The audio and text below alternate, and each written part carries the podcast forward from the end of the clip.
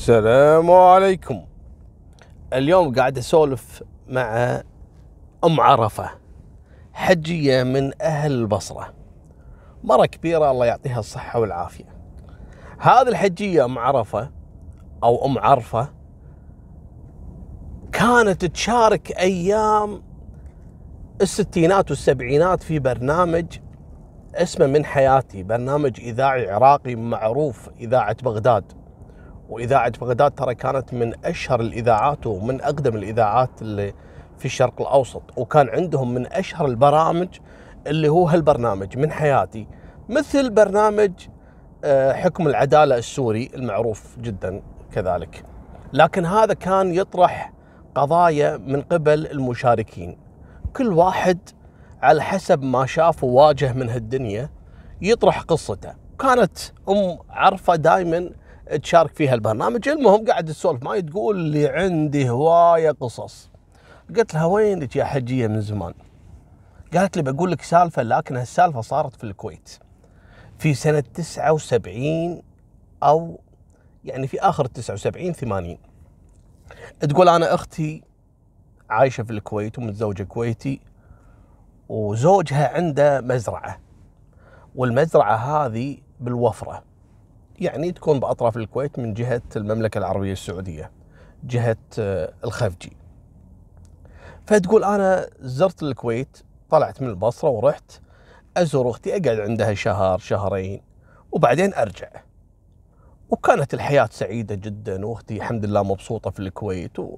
وإحنا نجي نستانس شوي ونرجع. تقول فجيتهم في هالسنة هذه.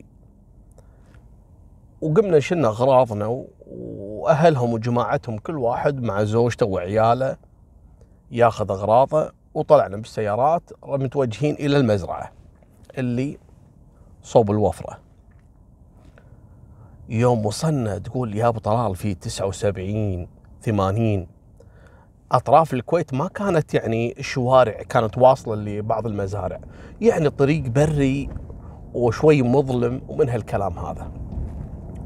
وإحنا وصلنا وقت الليل يعني. وننتبه وإحنا ماشيين في الشارع. ولا في مرة كبيرة في العمر قاعدة على جنب الطريق. يعني لا قدامها ولا وراها أي شيء لا محل لا بقالة لا. بوسط هالطريق بهالظلمة. يقول إحنا في البداية الحجي يسولف تقول إحنا في البداية آه، خفنا. يعني هذه بشر ولا جن ولا تعرف السوالف والقصص هذه اللي تتكلم دائما في أماكن هالبر والأماكن المقطوعة تطلع الجن ومن هالكلام. لكن قربنا منها وقفنا سياراتنا وقمنا نرجع شوي شوي ولا فعلا هذه مرة كبيرة في العمر وكانت جالسة على الأرض لكن جالسة على مخدة. تعرفون المخده الوسادة؟ وما عندها ابدا أي شيء. تقول إحنا الحريم يوم شفنا إن هذه مرة خلينا الرجال داخل السيارة ونزلنا إحنا أنا وأختي وكم واحدة من حريم جماعتنا. ورحنا الحجية يا حجية شلونك شو أخبار؟ مرة كانت كبيرة و... ويلا نسولف وكذا. وتبكي. قلنا لها إيش فيك يا حجية؟ عسى ما شر كانت تقول لا ما في شيء. ما تبي تتكلم. زين يا حجية ليش قاعدة هني؟ قالت والله أنا قصتي طويلة و... و... والكل تخلى عني. منو يا حجية؟ منو اللي تخلى عنك؟ ما هي راضية تتكلم. زين أنت الحين ليش قاعدة هني؟ ناطرة أحد؟ قالت لا والله. ناطرة فرج الله. إيه تقول إحنا قمنا نبكي. عرفنا يعني إن أعوذ بالله مرات القصص هذه في عقوق الوالدين وإن واحد يرمي أمه ولا يرمي ولا واحدة ترمي أمها حصلت كثير وفي جميع بلدان العالم. إحنا فهمنا السالفة قلنا له حجية زين مزرعتنا قريبة من هني تعالي حياك قعد عندنا وتونس ونشربك وكذا و... والحين الجو شوي براد. يعني حجية ما يخالف ليش قاعدة هني؟ تعالي معانا. قالت يلا نتوكل على الله.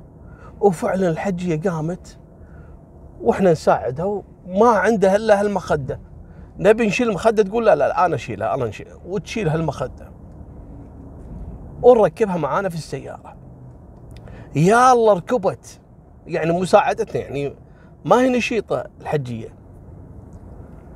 وفعلا رحنا المزرعة. وقعدنا هناك. إحنا ما فتحنا لها الموضوع وش فيك وكذا لا علشان ما نبي نكدر خاطرها مبين هي زعلانه وكانت تبكي. ونجيب لها أكل ونشربها وكذا وشبينا نار واستانست. وطول القعدة تبكي.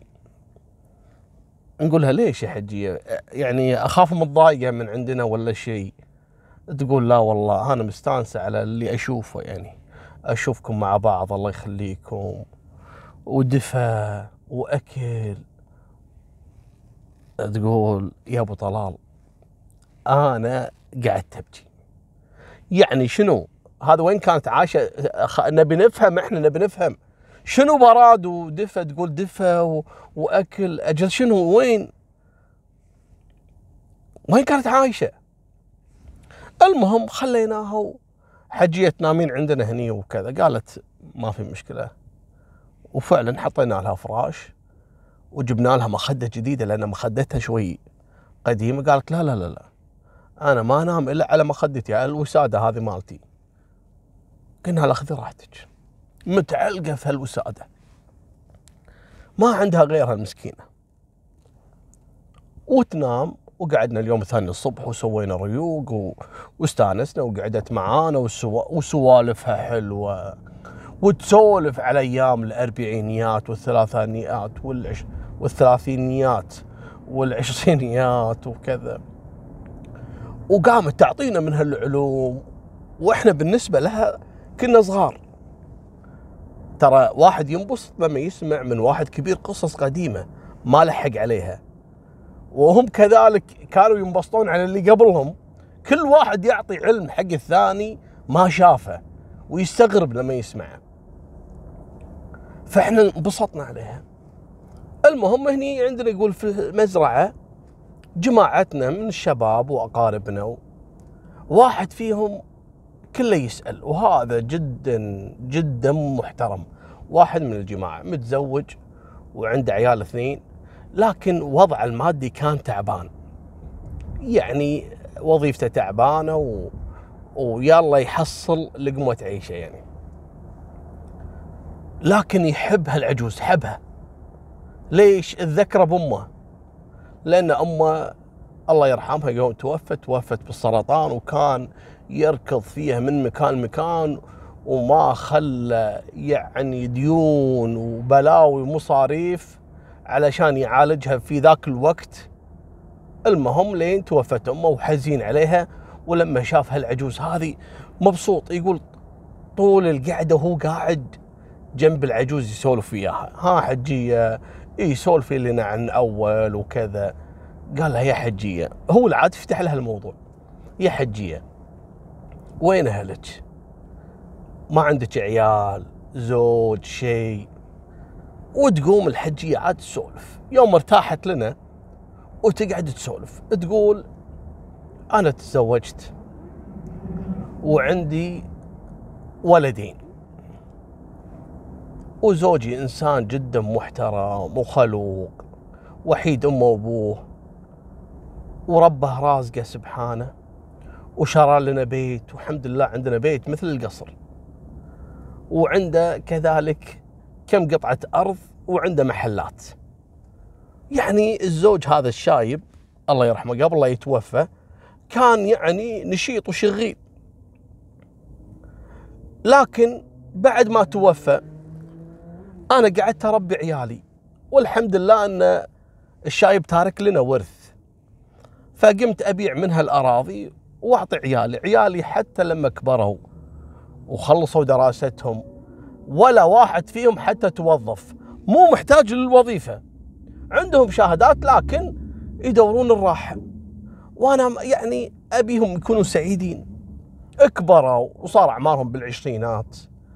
وقرر أول واحد فيهم الكبير يتزوج. وفعلا شاف له بنت الحلال واحدة يعني من خوات أصدقائه. وأنا رحت خطبتها له وتزوجوه وسكن عندي في البيت. عطيناه الدور الأول اللي فوق. البيت من دورين أرضي وأول بس دورين.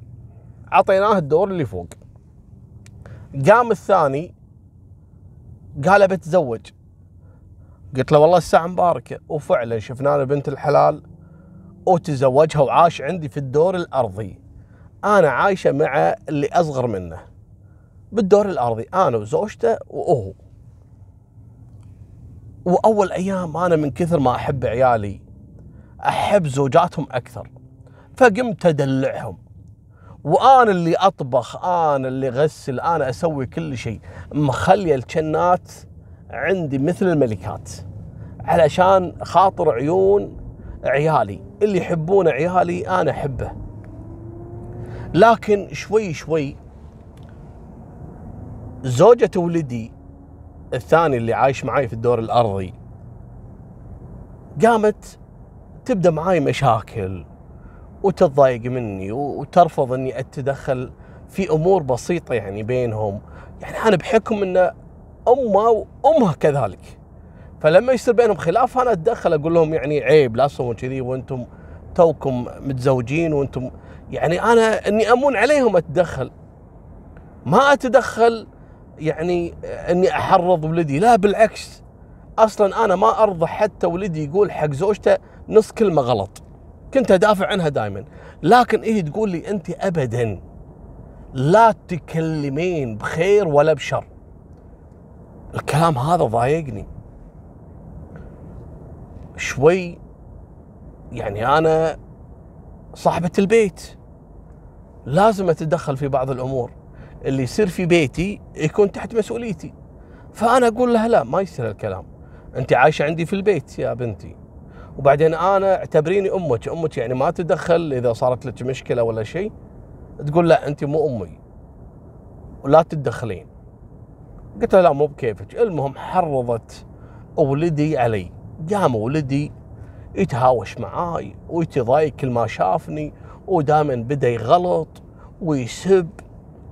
وأنا من حبي لها سكت شوي قال يما شوفي. يا انك تشتري لي بيت تبيعين الأرض باقي آخر أرض عندها يا تبيعينها وتشتري لي بيت وأسكن مع زوجتي يا أسكني عند أخوي اللي فوق. بصراحه زوجتي ما تبيك أنا ما مالي شغل بس أنا مالي خلق المشاكل. قالت تتكلم جد أنت ولا تغشمر؟ أنت وياها أصلا عايشين في بيتي.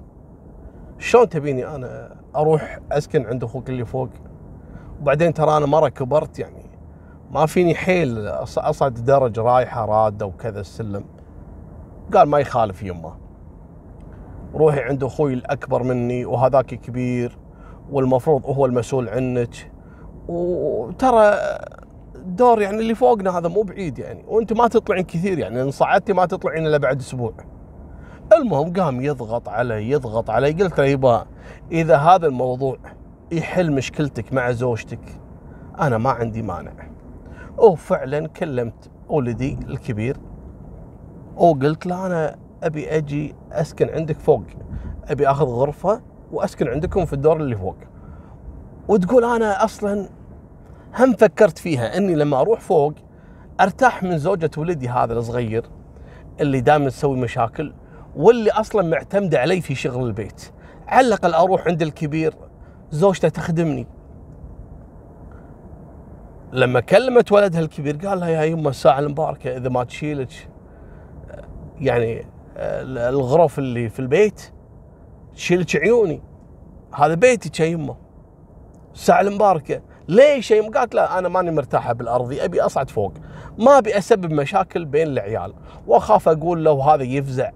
يعني حق امه ويروح يتهاوش مع الأولاني فأنا ما أبي مشاكل بينهم.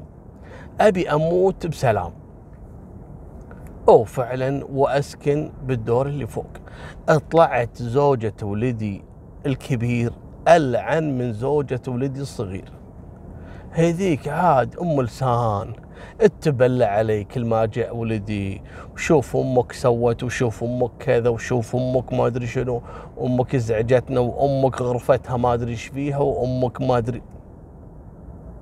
وجننت العجيز. ترى أنا أدلعهم العجز أقول له عجيز أدلعهم ترى مو قصدي لا تزعلون مني. المهم وتجنن العجوز. كرهتها بعيشتها. الحين وين تروح المسكينة؟ اللي تحت حاطة دوبها ودوبها. يوم صعدت فوق وتطلع اللي فوق ألعن منها. لا طلع الولد الكبير هذا عود عودنا الكبير.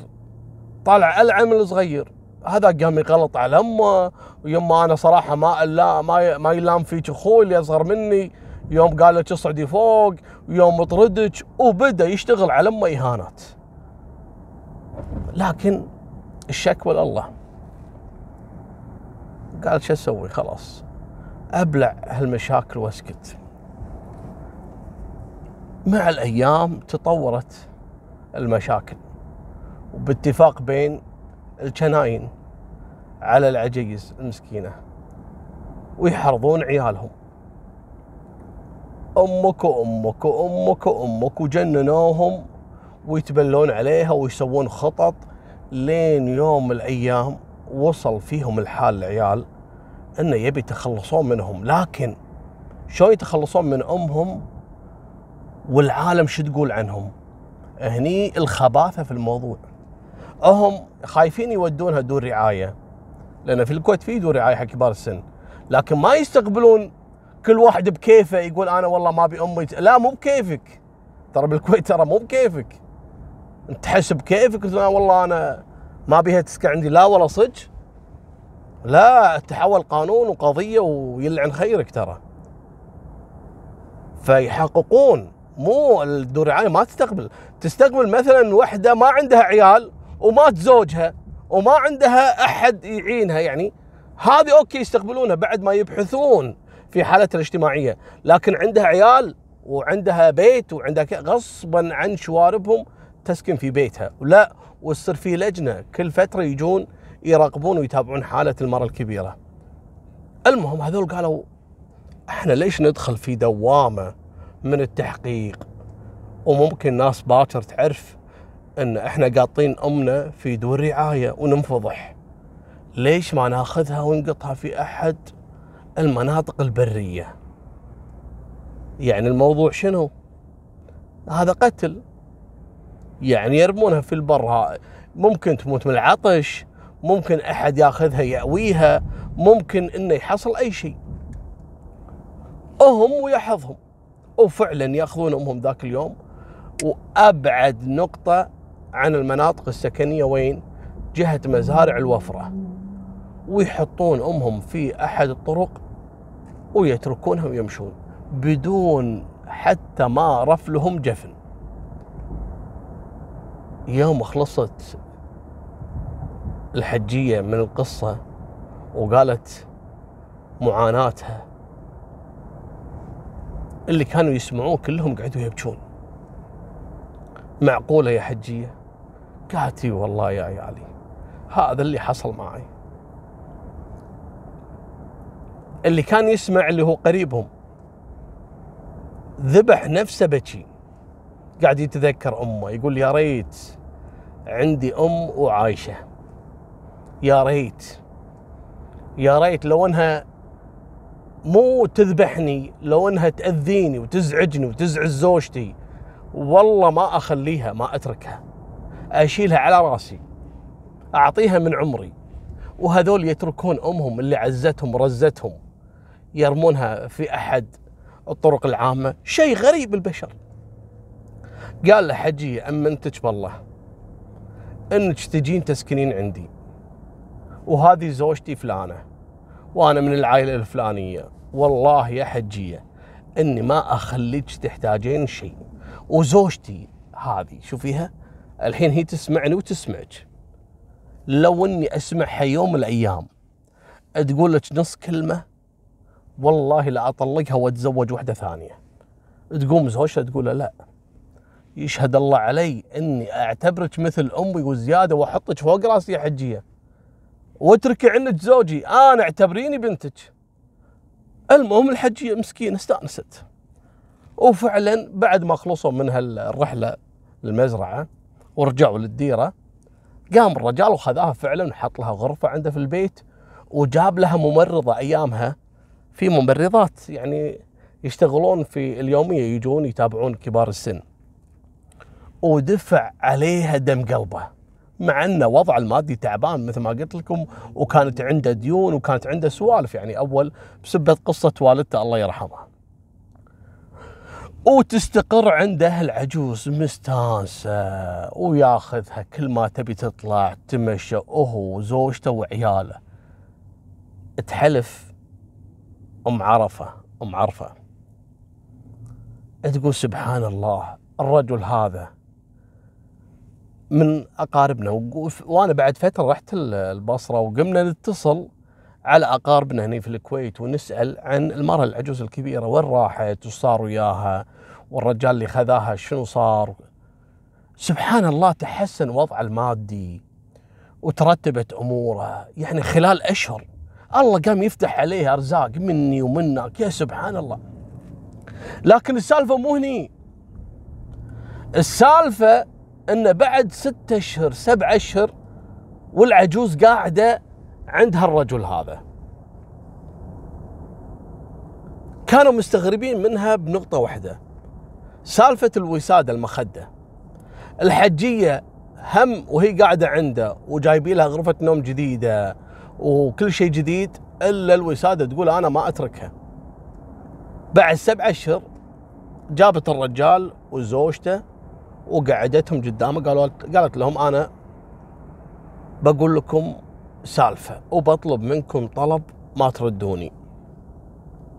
قالوا أمر يا حجي أنت أنا أسميك أمي أنت اللي تبينه تم. إذا شيء مضايقك قولي. قالت لا يا ابن الحلال أنت أصلا أنت يبا وردة والله. يبا والله أنت ما في مثلك يا ريتك ولدي. الحين صار لي عندك سبع أشهر والله العظيم هالسبع أشهر أحسن من السنين كلها اللي عشتها في بيتي. الله يخليك لعيالك ويستر عليك ويرزقك وإن يعني كله إن شاء الله في ميزان حسناتك يا ولدي.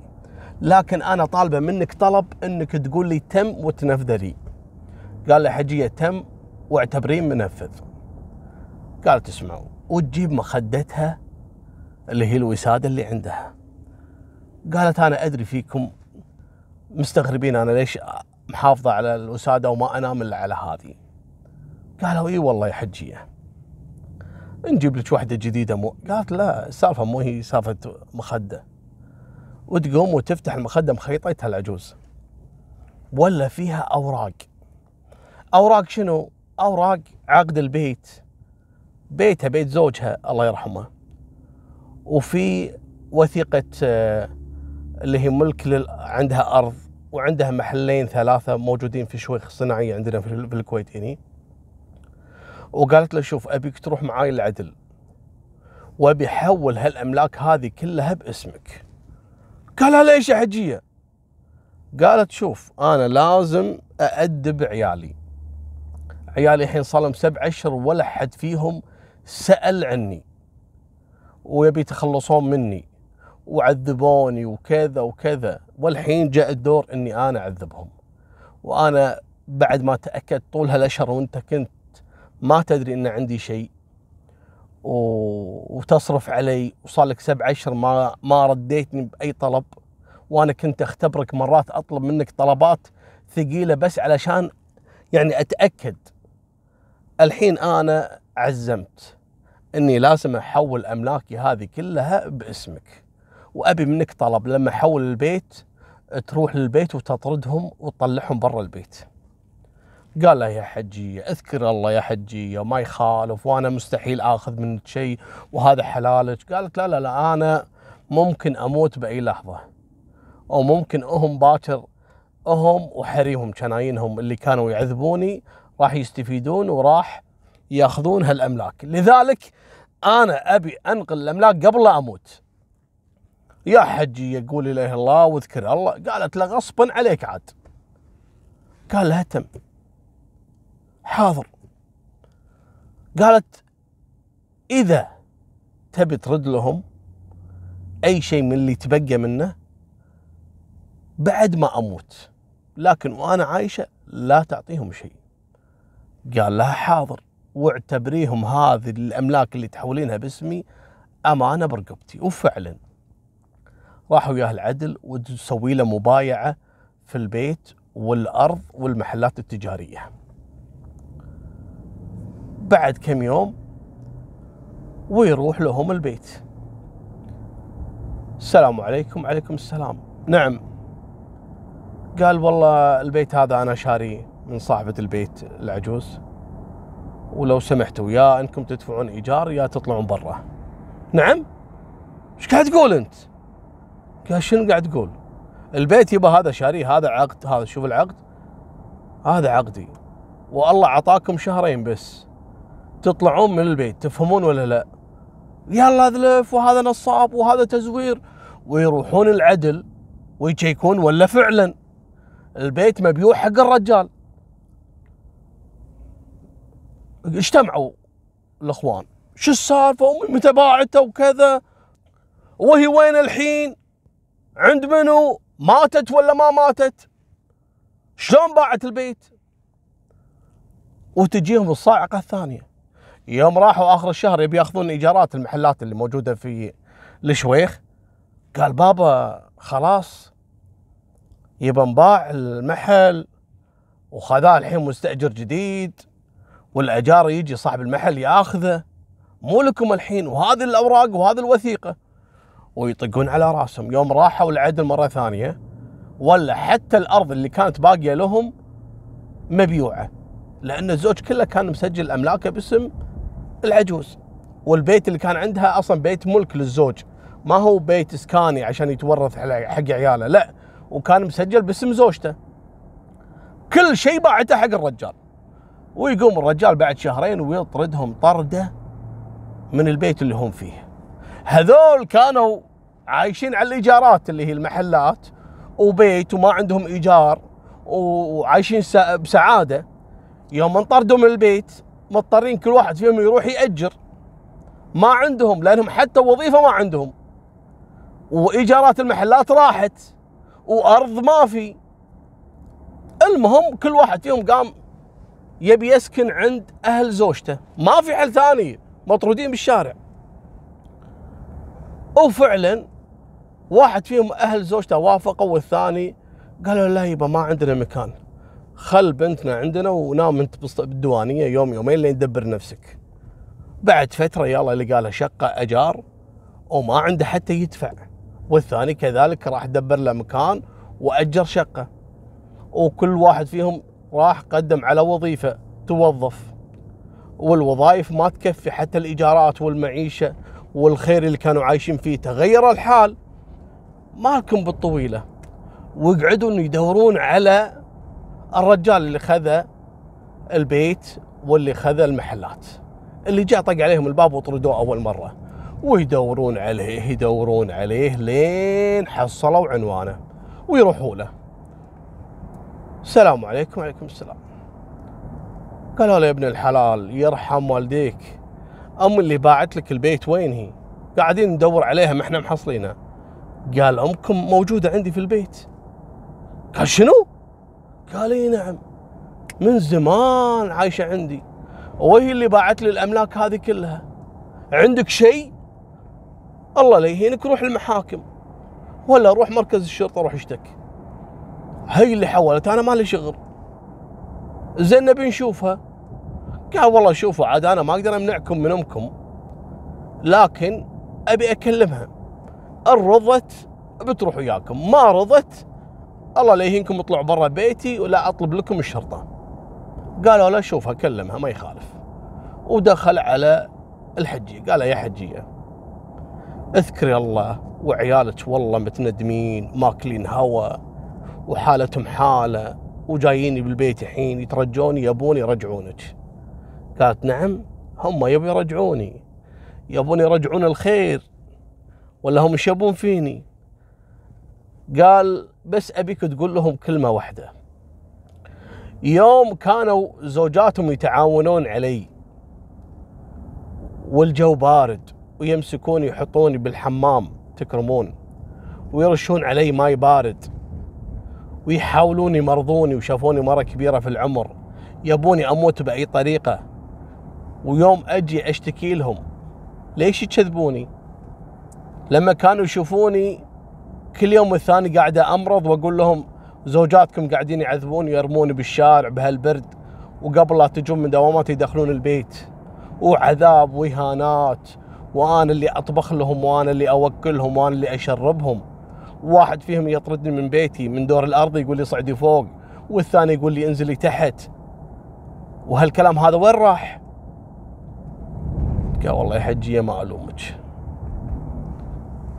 ما ألومك يا حجيه ويرجع حق عيالها.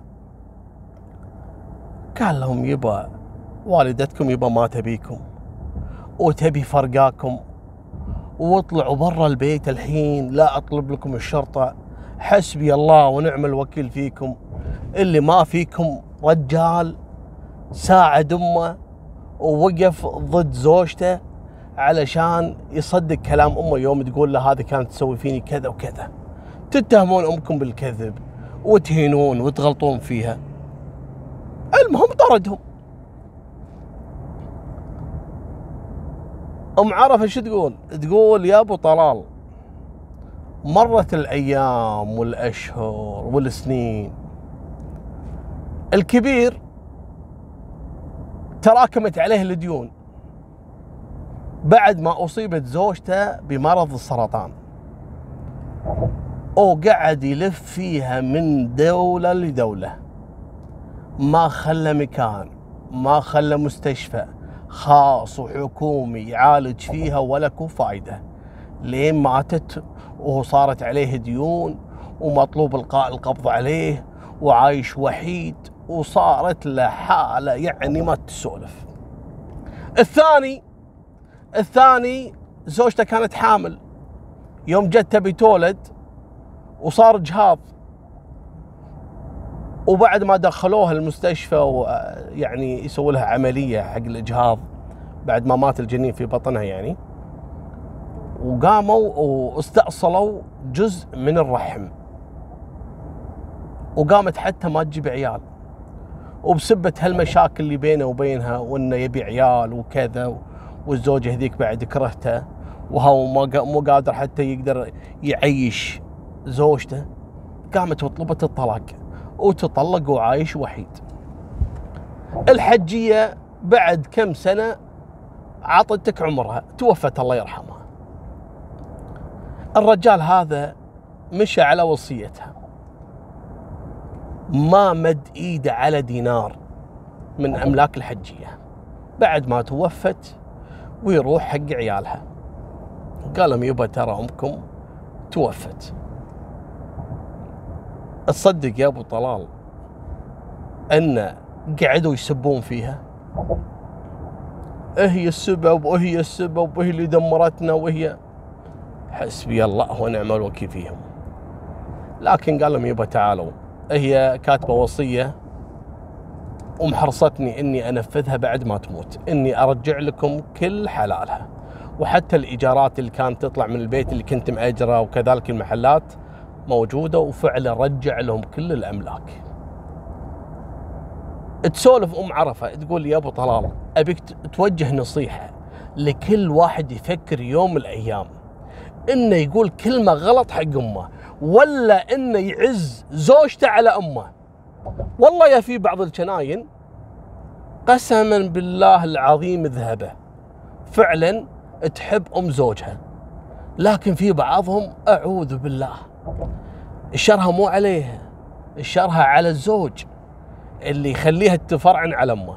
تقول لي وجه له نصيحه تكفى يا أبو طلال. قول له والله إن الله راح يطيح حظك. هذه نهاية سالفتنا. وفمان الله مع السلامة.